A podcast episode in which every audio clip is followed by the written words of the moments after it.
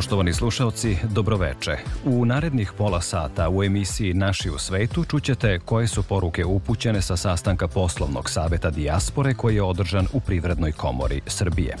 Sa nama će biti i predsednica Udruženja Srba Ivo Andrić u Rogalandu, Sanja Jovanović-Lazarević. Predstavit će našu zajednicu u Norveškoj i plan rada udruženja u narednom periodu. Sa vama su večeras za tonskim pultom Danijel Stojanović, a pred mikrofonom Goran Pavlović. Naši državljani koji rade i borave u ratom zahvaćenom Izraelu evakuišu se iz te zemlje letovima Air Srbije. Ta kompanija je imala dnevno četiri redovna leta i dva dodatna, specijalizovana za naše državljane koji su želeli da se vrate u Srbiju. Do sada se iz Izraela vratilo oko 700 naših državljana, a evakuacija iz Tel Aviva se nastavlja u dogovoru sa predstavnicima naše ambasade u Izraelu.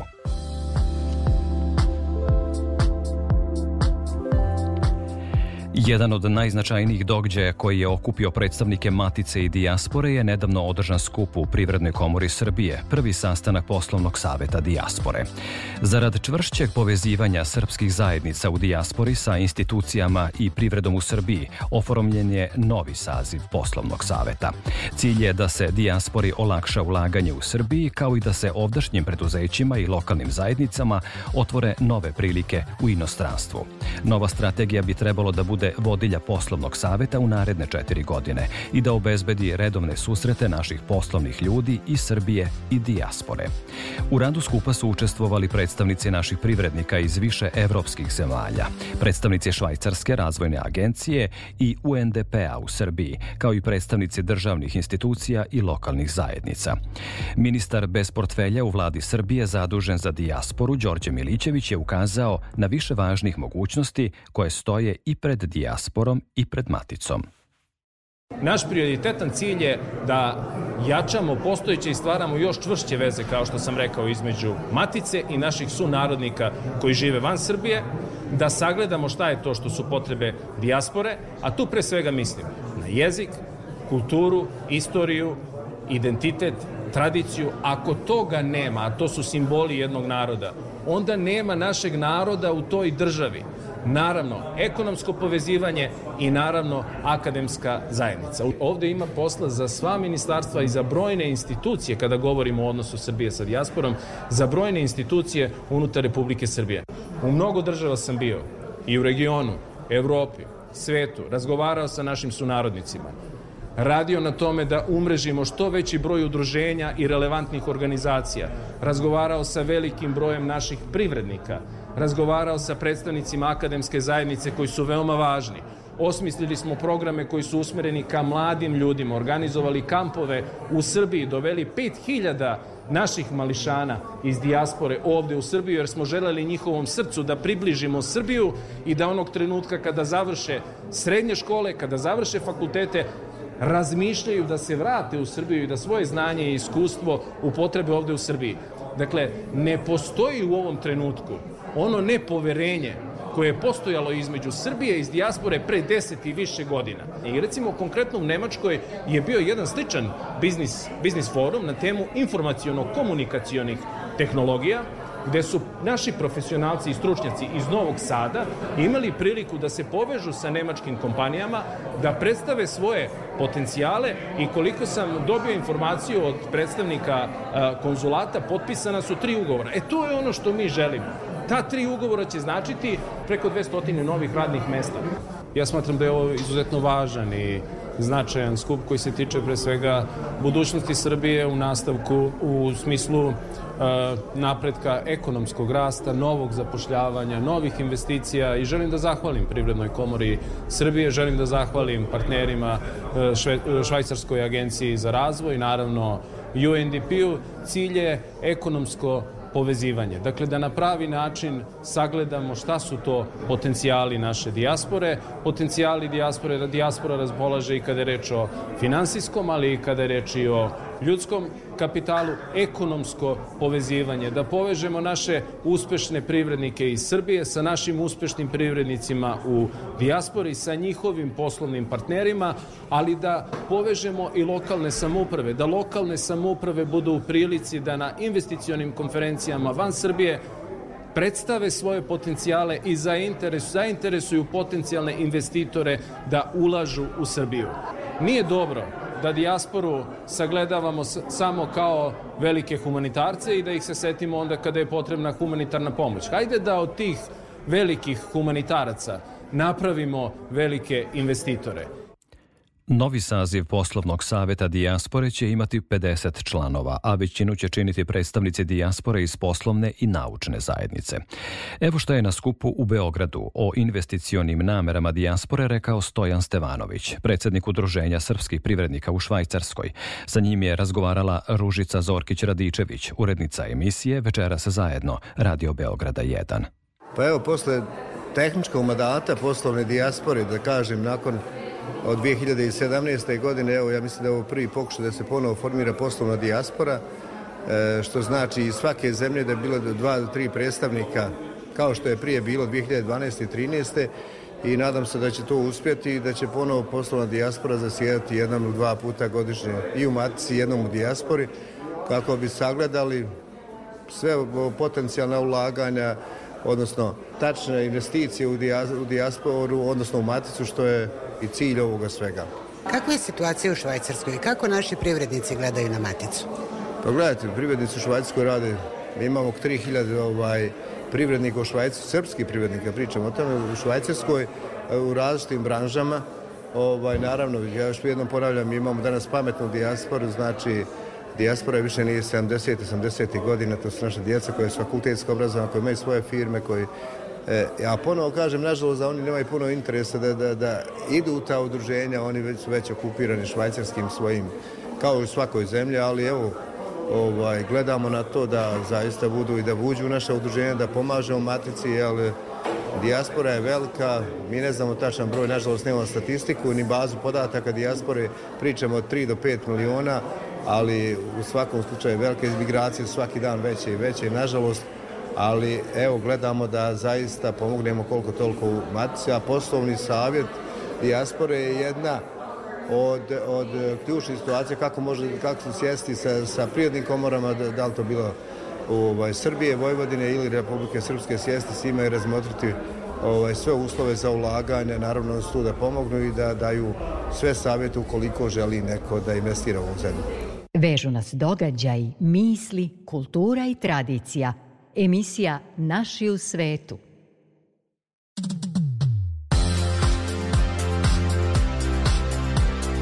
Predstavnici Privredne komore Srbije su egzatnim podacima o radu platforme LinkUp do sada glavnog stecišta privrednika iz dijaspore ukazali na to kolika je ovakva vrsta saradnje prilika za privrednike, bez obzira na to gde rade. Istakli su i ulogu i značaj mogućnosti prenošenja znanja i iskustava, a baš to je i cilj naših privrednika u Austriji, rekao je na prvom sastanku novog saziva poslovnog saveta dijaspore Borislav Kapetanović, jedan od osnivača kluba srpskih privrednika u u Austriji. Mislim da je stvorena jedna pozitivnija klima dobre saradnje dijaspore sa matičnom državom. Moje iskustvo govori, s obzirom da sam učestvovao i jednom projektu Link Up 2 Srbija koja je upravo se bavila uh, tom temom povezivanja, mentorisanja, traženja partnera firmi i naravno investicija, investicija u Srbiji i mislim da posle toga, posle tih konferencija u, u Beču, Cirihu i Štutgartu je dat jasan signal iz Privredne komore Srbije da je jednom reorganizacijom, jednim drugim odnosom a, na neki način možda stvoren jedan stepen većeg povjerenja dijaspore prema institucijama Republike Srbije, što je svakako u nekom prethodnom periodu bio jedan od, od problema. Mislim da je i spremnost i komore i vlade na, jedan, na jednom drugom stepenu uliva snagu i povjerenje da će dijaspora i više investirati u Srbiju i da će firme iz Srbije imati E, sigurne partnere za poslovnu saradnju e, što se tiče dijaspora. Mi smo se nekako više bavili malim i srednjim preduzećima i nekako će to biti i cilj kluba privrednika u Austriji da upravo nađe partnere za tu vrstu ulagača i privrednika koji želi da sarađuju na nekom ajde da kaže mali i srednji preduzeća, mada su i ta mala srednja preduzeća nekako ozbiljne firme, tako da smo imali vrlo vrlo dobre i konkretne rezultate u poslednjih godinu dana gdje su određene firme iz dijaspore e, učestvovali u dijelu razvoja recimo proizvodnje e, mentorisanju firmi na koji način tačno na koji način mogu da e, prilagode svoje proizvode iz radnih sfera ako govorimo o Evropskoj uniji i to je ono što su i na neki način naši ljudi shvatili da određene proizvode koji nekako prolaze na našem tržištu ili istočnom tržištu da uz male neke a, rekonstrukcije, ako tako mogu reći, a, mogu lakše naći tržište a, u zapadnoj Evropi. Granice ne postoje u mislima brižnih. Emisija Naši u svetu. Priča o sunarodnicima širom sveta vodi nas sada u Norvešku, gde postoji brojna srpska dijaspora koja je okupljena u mnogim udruženjima i savezima. Jedno od aktivnijih udruženja čiji rad pratimo je Ivo Andrić u Rogalandu, kojim predsedava Sanja Jovanović-Lazarević. Ona je sa nama na telefonskoj liniji. Želim vam dobrodošlicu u emisiju Naši u svetu Radio Novog Sada. Hvala vam mnogo na pozivu, Gorane, i zadovoljstvo mi je ponovo biti vaš gost. Sanja, prošlo je leto i sezona godišnjih odmora. Verujem da su mnogi sunarodnici bili u poseti rodnom kraju. Kako je proteklo leto u vašem udruženju? Da li je bilo nekih sadržaja ili ste bili na kolektivnom odmoru? Pa za nas radne aktivnosti u prvom jeli, semestru godine završavaju obično početkom juna. Tako je bilo i ove godine. 11. juna smo obilježili devetu, devetu godišnicu jeli, od osnivanja udruženja, slavu udruženja i kraj školske godine sa bogatim programom koji su organizovali članovi našeg udruženja, upravni odbor i najvećim dijelom nastavnice dopunske škole srpskog i, i nastavnica predškolskog našeg udruženja. Takođe imali smo goste i Kut Božuri iz Jeshema i ovaj, posle toga smo sa svojim porodicama i prijateljima jeli, uživali svi na zasluženom godišnjem odmoru. Upravni odbor je ipak spremao malo program koji sada ostvarujemo na, na jesen i zimu, tako da pokušavamo naći ravnotežu u svemu. Naša udruženja širom sveta organizuju razne kulturne i zabavne događaje u kojima se promoviše i jezik i istorija Srbije. Koliko sam razumeo iz razgovora sa dijasporom sa mnogih kontinenata, nekako se najviše pažnje posvećuje na najmlađima kako bi u sredini u inostranstvu e, se podsjetili svog porekla i vaše udruženje rado organizuje programe za decu. E, jedna od tih je i akcija Hvala Vuku za azbuku. E, možete li nam pojasniti kako ste organizovali taj program i u kojim delovima Norveške?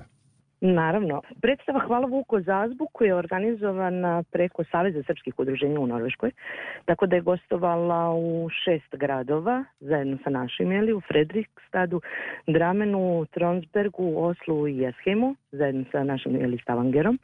I bilo je veoma posjećeno. Ovakve predstave mislim da su veoma bitne jer naša djeca nisu okružena, nažalost, svakodnevno našim pismom, tako da im na ovaj zabavan i prihvatljiv, njima prihvatljiv način način e, želimo približiti ljepote našeg pisma i samim tim je li e, da sačuvamo našu tradiciju iako smo daleko od naših domova. Povod za ovo vaše gostovanje u našoj emisiji ovog puta je i novi program, gostujuća predstava koju organizujete za naše ljude koji su na privremenom radu u Norveškoj. Kakav je repertoar u planu i u kojim terminima sanja? Jako smo uzbuđeni svi što ćemo ugostiti ovaj mjesec jeli fantastični glumački tri Olgu Odanović, Miloša Đorđevića i Sonju Knežević u fantastičnoj komediji Bračni prevrtljici. Predstava će se igrati 28. Eh, oktobra u Požgrunu gdje organizuje eh, naše bratsko udruženje Srpska kruna. U Stavangeru će predstava igrati 29. oktobra u organizaciji našeg udruženja i nadam se da će naša zajednica uživati u njoj. Želim i ovom prilikom da pozovem sve jeli, u oba ova grada da što prije kupe kartu jer su sale, to jeste broj mjesta u salama je ograničen. Naša dijaspora koja u svetu radi u mnogim zemljama vremenom se svojim navikama prilagođava sredini u kojoj se nalazi.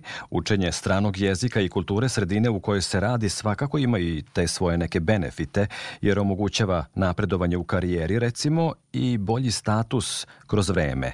Šta je u tom smislu izazov za naše ljude u Norveškoj, Sanja? Koje su specifičnosti tamošnje populacije po vašem viđenju?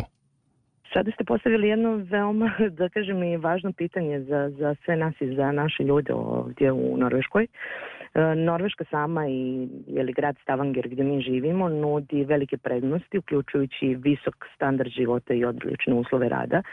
Međutim, e, prilagođavanje jeli, lokalnom načinu života, kulturi, a da ne zanemarimo i klimu koja pa hladno je, jeli, dosta vjetrovito i kišovito, da, da tako kažem, često predstavlja izazove za naše sunarednike. E, Norvežani su, sa druge strane, poznati jeli, po svojoj negdje, da kažem, direktnosti, ali i inkluzivnosti, veliki su možda, da kažem tako, i individualisti i, i ljudi jasnih granice i rutina, pa ponekad te kulturološke norme jeli, koje važe ovdje mogu izgledati drugačije nego što smo mi navikli u Srbiji, pa se to može tumačiti kao nedostatak topline.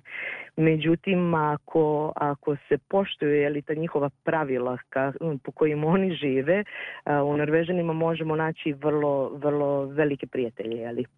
Pored toga, norveški, jeste, e, norveški jezik jeli, jeste veliki izazov za naše ljude, naročito veliki broj dijalekata i ostalo. E, sa druge strane, e, većina govori engleski, e, tako da da, da je sa te strane olakšano jeli, našim ljudima, međutim jeli, poznavanje norveškog jezika može biti presudno za sticanje dubljeg razumijevanja kulture, integracije u društvu i ostalo.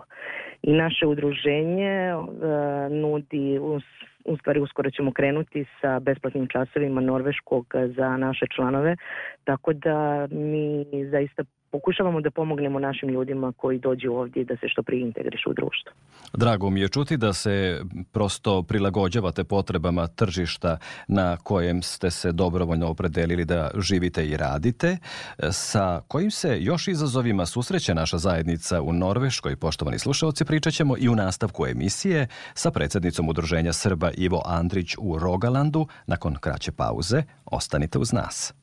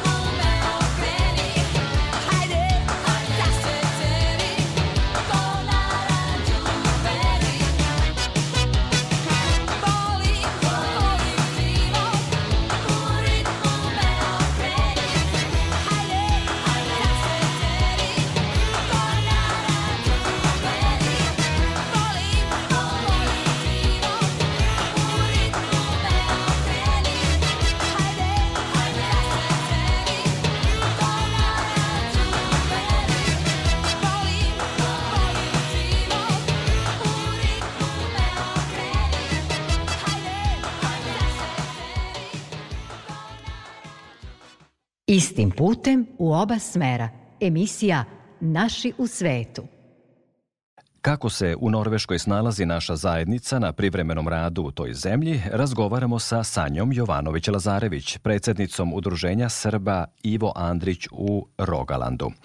Sanja, kako funkcioniše Savez Srba u Norveškoj i koje prednosti nudi našim ljudima koji se u okviru udruženja nađu i u savezima? Znamo da udruživanje generalno ima svoje prednosti u svim segmentima života.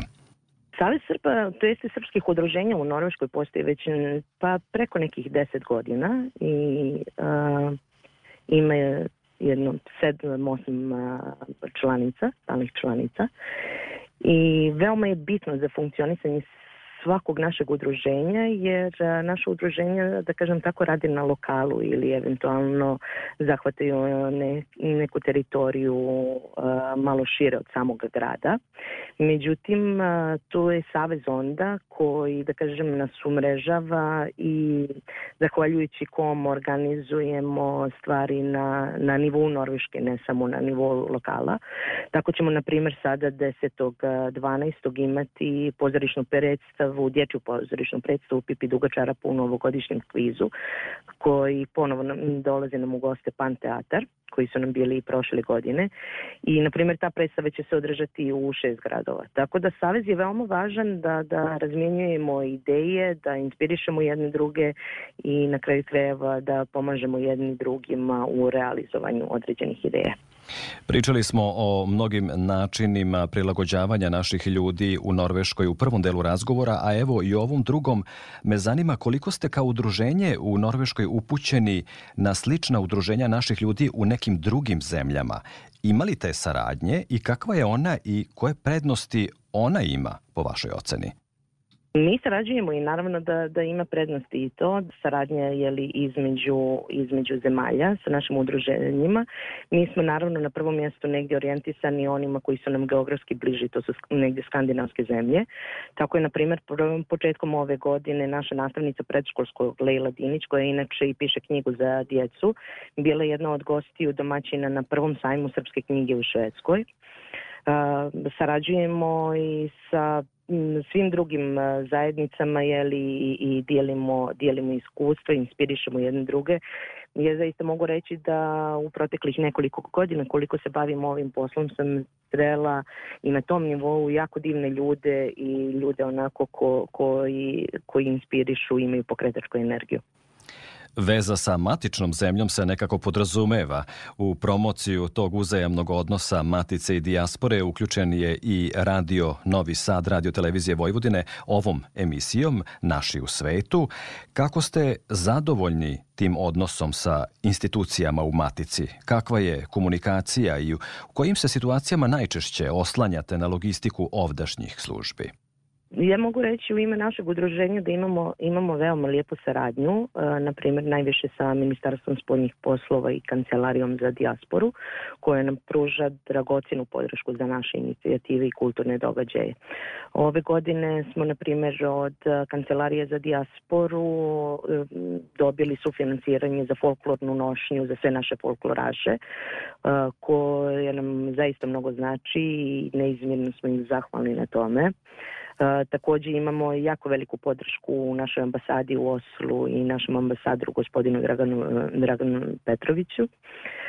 Sa druge strane, možda nije direktno jeli, u, u Srbiji, ali je takođe velika spona jeli, između nas ovdje i, i naše matice. To je naša crkva, crkva u Kristijansandu koja je pripada naša parohija takođe pruža veliku podršku ljudima u Stavangeru i na primjer ove godine su finansirali e, knjige za svu našu djecu u Srpskoj dopunskoj školi. E, takođe, uz njihovu saradnju i saradnju sa kulturnim centrom ovdje u Stavangeru, e, organizovat ćemo sledećeg, e, sledećeg mjeseca film koji govori o našim zarobljenicima u Norveškoj za vrijeme drugog svjetskog rata. Film se zove Logor smrti u Karašoku. Tako da saradnja, saradnje ima na, na velikom broju polja. Na više nivoa. Lepo je to čuti yes. zaista. Solidarnost u nevolji nekako je svojstvena kod naših ljudi širom sveta. Postoje mnoge humanitarne aktivnosti naše dijaspore o kojima veoma rado govorimo i vi iz udruženja Ivo Andrić takođe u svom programu imate slične aktivnosti. Možemo li da čujemo za neke od njih? Naravno, mi, mi imamo humanitarni fond eh, koji je faktički od prvog dana i možda je on bio inicijalna kapisla jeli, za pokretanje cijelog našeg udruženja. To smo zadržali do dan danas gdje svake godine minimum dvije humanitarne akcije mi pokrenemo. A, ostala, na primjer, udruženja u Norveškoj ili neka druga ako pokrenu eh, neke druge humanitarne akcije također rado sudjelujemo i doniramo novac za to. Na primjer, eh, sada se upravo realizuje i završava naša poslednja humanitarna akcija koju smo imali ove godine. Ona je bila namijenjena za opremanje fiskulturne sale škole Dositej da Obradović u Subotici u kojoj se školuju globalnijema djeca i djeca sa oštećenim sluhom. Kupljena je oprema za tu salu u vrijednosti od 1200 evra, a polovinu tog novca su donirali naši članovi i prijatelji našeg udruženja, a ostatak novca smo uplatili mi iz našeg humanitarnog fonda.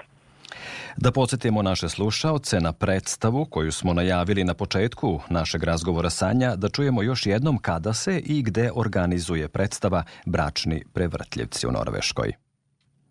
Bračni prevrtljivci će biti izvedena 28. oktobra u Požgranu u 19 časova i u Stavangeru 29. oktobra u 18 časova još jednom pozivamo sve da nam se pridruže i da se zabavimo jeli, svi i nadam se da ćemo se vidjeti u velikom broju tamo.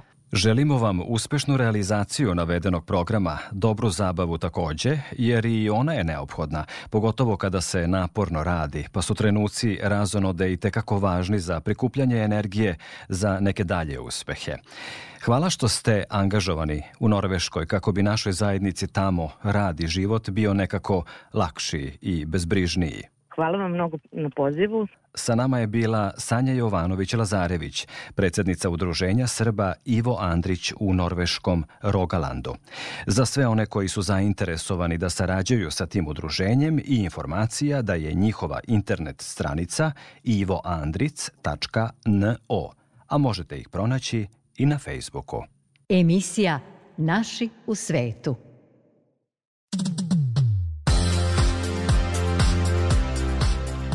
Uprava za saradnju sa dijasporom je u prethodne tri godine otvorila 34 dopunske škole srpskog širom sveta, na Kanarskim ostravima, Malti, u Španiji, Portugaliji, Holandiji i u Rusiji. Te škole se uključuju u sistem rada Ministarstva prosvete Srbije koje trenutno pokriva 16 zemalja, rekao je direktor uprave Arno Gujon. On precizira da je srpska dijaspora u Americi jedna od najstarijih u svetu, a da do sada nije postojala ni jedna dopunska škola u sistemu našeg Ministarstva prosvete. Zato se predano radi na otvaranju škola širom Sjedinjenih američkih država, a u Milvokiju je upravo s radom počela škola srpskog jezika koju pohađa 150 učenika. Finansirali smo 308 projekata srpskih organizacija širom sveta koje rade na očuvanju identiteta, kulture, jezika i saradnje s maticom. U prethodne tri godine pomogli smo i 106 kulturno-umetničkih društava širom Evrope, dodaje Gujon. Toliko poštovani slušalci u večerašnjoj emisiji Naši u svetu. Ukoliko ste nešto propustili iz sadržaja ove polučasovne emisije, možete nas slušati odloženo na sajtu rtv.rs u opciji odloženo slušanje. Čujemo se i narednog petka od 19.05. Pozdravlja vas ekipa u sastavu Danijel Stojanović i Goran Pavlović. Prijatno uz Radio Novi Sad.